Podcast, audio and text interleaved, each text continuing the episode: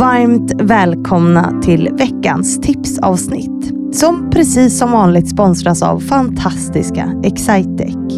Veckans gäst är Tilda Boysen och i hennes avsnitt som släpps på söndag så pratar vi om psykisk ohälsa. För vi vet ju att självskadebeteende och psykisk ohälsa ökar bland flickor och vi pratar mycket om det. Men en sak som slagit mig är att det ofta är vi vuxna som gör det, pratar om det alltså. Men ofta utan att lyfta rösterna från de flickor som vi faktiskt pratar om.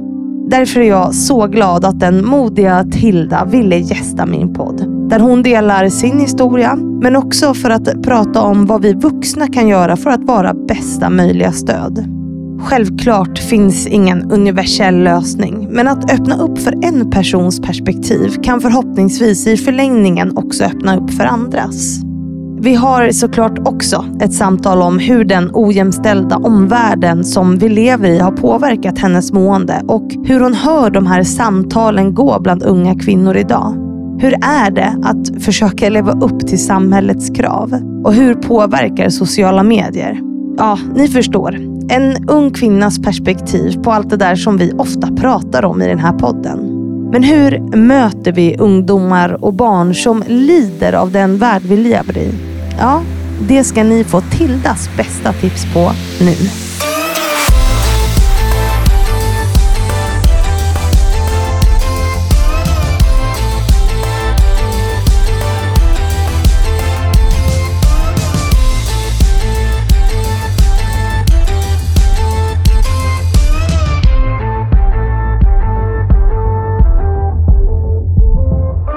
Men om du snackar lite då Tilda, ska vi se Mm.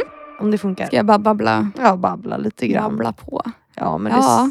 Det, ja. Jag ska vara tyst. Vänta, om Okej. du pratar nu. Du har väldigt fint träd där inne. Ja, vad bra. Mm, det tycker Och- jag är väldigt vackert. Trädet. Ja. Ja. Jag har faktiskt inte något ansvar för inredningen här. Nej, men du har, du har lyckats, eh, eller den personen har lyckats bra Ja, ändå. Det är för att de är psykologer Nej, skojar. och coacher. Så, de kan sånt det är bra.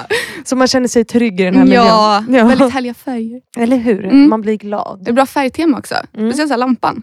Den bara knyter ihop det. Ja, du ser. Mhm. Du har ett öga för eh, detaljer. Ja, så det. Tilda Boysen, du har ett öga för detaljer. Eh, du är konstnärlig och du är varmt välkommen till Fannys förebilder igen. Tack så mycket. Eh, vi har, ja det blev något konstigt intro här om kontoret och sådär. Men det blir ju det blir kul. Vi har precis spelat in ett avsnitt om dig och din historia Mm. om, av psykisk ohälsa. Eh, du är en ung tjej på 19 år som har mått väldigt, väldigt dåligt. Mm. Eh, och vi pratar ju mycket om att unga tjejer mår dåligt och att det ökar och att det finns ett stort problem i det. liksom. Eh, Men vi pratar ju sällan med er unga tjejer Så är det. och därför fick du komma hit idag.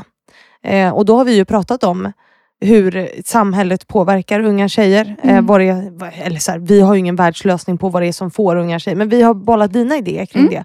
Och också hur vi kan prata om det, hur kan vi öka kunskapen så att tjejer kanske kan må lite bättre. Absolut. Jätteviktigt eh, samtal. Eh, och Jag tänker att många som lyssnar på min podd, det är ju kvinnor. Eh, många av dem har barn. Eh, många av dem har säkert också barn som lider av liksom, den värld vi lever i som kanske inte mår helt bra. Nej. Eh, och då ska du då som målgruppen vi ska försöka möta här, eh, få ge tips på hur man kan göra det på Mm. bästa sätt. Så att jag lämnar över scenen till dig, Tilda Boysen. Tack så mycket. Ja, men jag skulle säga att mitt första tips är kommunikation.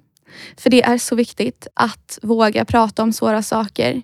Att skapa ett utrymme där det alltid är okej. Att inte bara om ens barn mår dåligt, vad det nu än är, prata om de här svåra sakerna utan göra det mer i vardagen. Man måste inte göra det varenda dag. Men att någon gång prata om ja, men hur det ser ut, hur det ser ut på nätet, Mm. hur, men hur svårt det kan vara. Att man kan må dåligt och det är okej. Och att man skapar ett utrymme där barnet sen liksom känner att det här är inget konstigt att prata om. För det här har jag hört innan. Och Mm. att skapa verkligen en säker plats. Mm. Och att visa att det här är inget konstigt om du mår dåligt. Eller liksom, jag finns här. Mm. Så att bara bygga det förtroendet, Mm. det tror jag är jätte, jätteviktigt. Mm. Och sen också att faktiskt kommunicera med Mm. barnet. Att prata och ställa frågor. Mamma och jag kom på att just hur mår du på en skala från 1 till 10 var en väldigt bra ingång. Mm. För det blir inte, men en så här, hur mår du För det blir ofta bra. Eller varför är du ledsen? Man bara, jag vet inte, Nej, jag men mår bara exakt. skit. Liksom. Det, det är Mm. svårt, men att ställa den, det blir så tydligt på något sätt. Om jag säger ja, men fyra, då är det såhär, aha, oj, kan jag göra något för att du ska må bättre? Eller är något, är något fel? Alltså, så här, det blir lättare. Så det är en väldigt bra ingång, skulle jag säga. Mm. Och sen också att skriva. Mm. Det har vi lärt oss, mamma och jag, Mm. eh, när vi skrev vår bok eh, Aldrig släppa taget. Att det är så magiskt att inte sitta öga mot öga. Det kan vara väldigt svårt att nå fram och kommunicera då, för det kan kännas läskigt och konfrontativt. Att istället skriva. Du hinner backa, du hinner tänka och det blir tydligare. Det är inget kroppsspråk som är konstigt eller en ton som är fel. Utan där är det väldigt lätt att nå fram. Mm. Och det kan vara väldigt bra, speciellt om man redan är i en ganska infekterad situation. Mm. Att göra det är ett väldigt bra första steg skulle jag säga. Så börja skriva dagbok ihop kanske. Ja, Ja. eller skriva på sms, vad som helst egentligen. Mm, Men mm. dagbok upp tyckte jag var bra. Mm. Eller skriva en eh, självbiografisk roman, det rekommenderar jag också. Det är bara det att det tar väldigt mycket tid. Så är det. Men om man vill det så är det så bra. Alla har inte den tiden, Nej. tyvärr. Tyvärr så är det så. Och sen mitt andra tips skulle jag väl säga att inte ge upp egentligen. Nej. Om ens barn mår dåligt. Eller om man vill starta konversationen, för det kan ta tid. Mm. Och det är svårt. Men att man också är där och liksom kämpar. Mm. För att det är tyvärr väldigt svårt att få hjälp och nå fram ibland. Men att man är där och är en trygghet. Mm. Men sen också att man inte själv tar för mycket skada av det. Det finns massa Facebookgrupper Mm. där man kan gå med för anhöriga, för föräldrar. Eh, där man får jättemycket stöd och tips. Mm. Och att vara försiktig så man själv inte går över gränsen och blir utbränd. För det är tyvärr väldigt vanligt också med barn med NPF-diagnoser. Mm. Väldigt många föräldrar som blir utbrända. Mm. Eh, Så var försiktig men inte sluta kämpa och söka stöd när man behöver. Nej, för responsen är ju eh, oftast, och det pratar vi också om i ditt avsnitt, att man Mm. här, stänger ute sina föräldrar Mm. som ung. Att man bara, nej nej, låt mig vara. Mm. Jag vill inte. Och då ska man fortsätta, men kanske på man kanske ska skicka in den här dagboken. Ja men exakt. nu har jag skrivit en sida här. ja, Ja. hitta, hitta det här sättet som går att kommunicera på. Mm. Och sen skulle jag verkligen säga att gör saker tillsammans. Mm. Även fast jag har ju själv verkligen varit så att liksom dra åt helvete på något sätt till mina föräldrar. Att jag Mm. helt varit ointresserad Mm. av att vara med dem.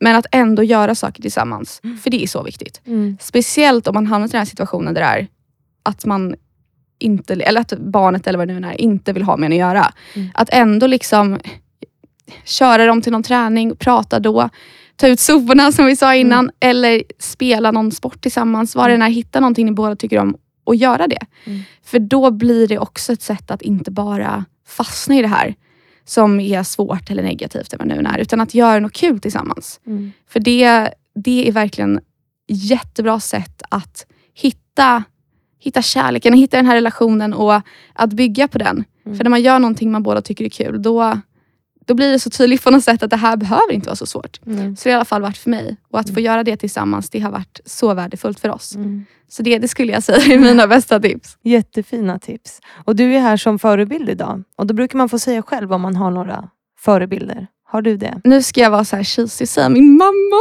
och Ja, men pappa. fint. Men faktiskt verkligen. Mm. Det tycker jag inspirerat mig så mycket. Hur Mm. mamma och pappa för den delen men vågat prata om svåra saker. Mm. Verkligen står upp för folk och har så fina ja, men, världsbilder och alltså, moraler som jag har lärt mig av. Mm. Sen Peder Fredriksson, Ja. vilket är lite annan bana. Han är ju hoppryttare för alla som inte vet. Mm. Eh, väldigt duktig. Och eh, jag älskar ju hästar, Mm. vilket du också har Ja, förstått. precis. Och eh, dels är han så duktig. Men Mm. också så, jag kollade på dokumentär om honom när han var med. Och bok han har skrivit. Mm. Och det är bara väldigt fint. Dels hur han kommit till var han är idag. Mm. Men också vilken moral han har. Mm. Hur han liksom, men är så snäll. Mm. Och ser, eh, nej men ser djur på ett sånt sätt. Ser människor och hur han liksom har hittat vägen till framgång. Mm. Och gör det på så fint sätt. Att det handlar om relationen till hästen. Ja, mycket. verkligen att han sätter det i fokus. Mm. Och ja, han verkar bara som en väldigt lugn och härlig och verkligen snäll och fin och duktig person. Mm. Eh, så det är lite långt emellan de förebilderna. Mamma, pappa och Peder Fredriksson. Exakt, Ja. men jag, jag tycker alla oavsett om man eh, tycker om hästar eller inte kan inspireras av eh, men hur man behandlar Mm. djur och det, människor och liksom allt det här. Mm. Och sen så, ja, mina föräldrar för att de är söta och bra. och också verkligen har gjort mig till den jag är och eh, stått bredvid mig när saker har varit väldigt svåra och Mm. Aldrig gett upp. Mm. Eh, så det, det skulle jag säga. Sen är du en väldigt bra förebild också. det, behöver, det behöver du inte, behöver det behöver du inte säga. Vissa gör det, men du behöver absolut inte säga. Jag, ty jag tycker du är så fint arbete. Det, ja. det bör verkligen hyllas. Ja, tack. Ja, jag blir också generad när jag för det, men eh, det är fint. Men du, eh, då säger vi tack Tilda för att du har varit här och så säger vi åt de som lyssnar nu att de ska lyssna på söndag. Det tycker jag verkligen. Tack för att jag har fått vara här och tack för att du lyssnar. Och tusen tack till alla er som lyssnat på veckans tipsavsnitt. Jag hoppas att ni får en fortsatt bra vecka och sen så hörs vi ju på söndag igen, precis som vanligt.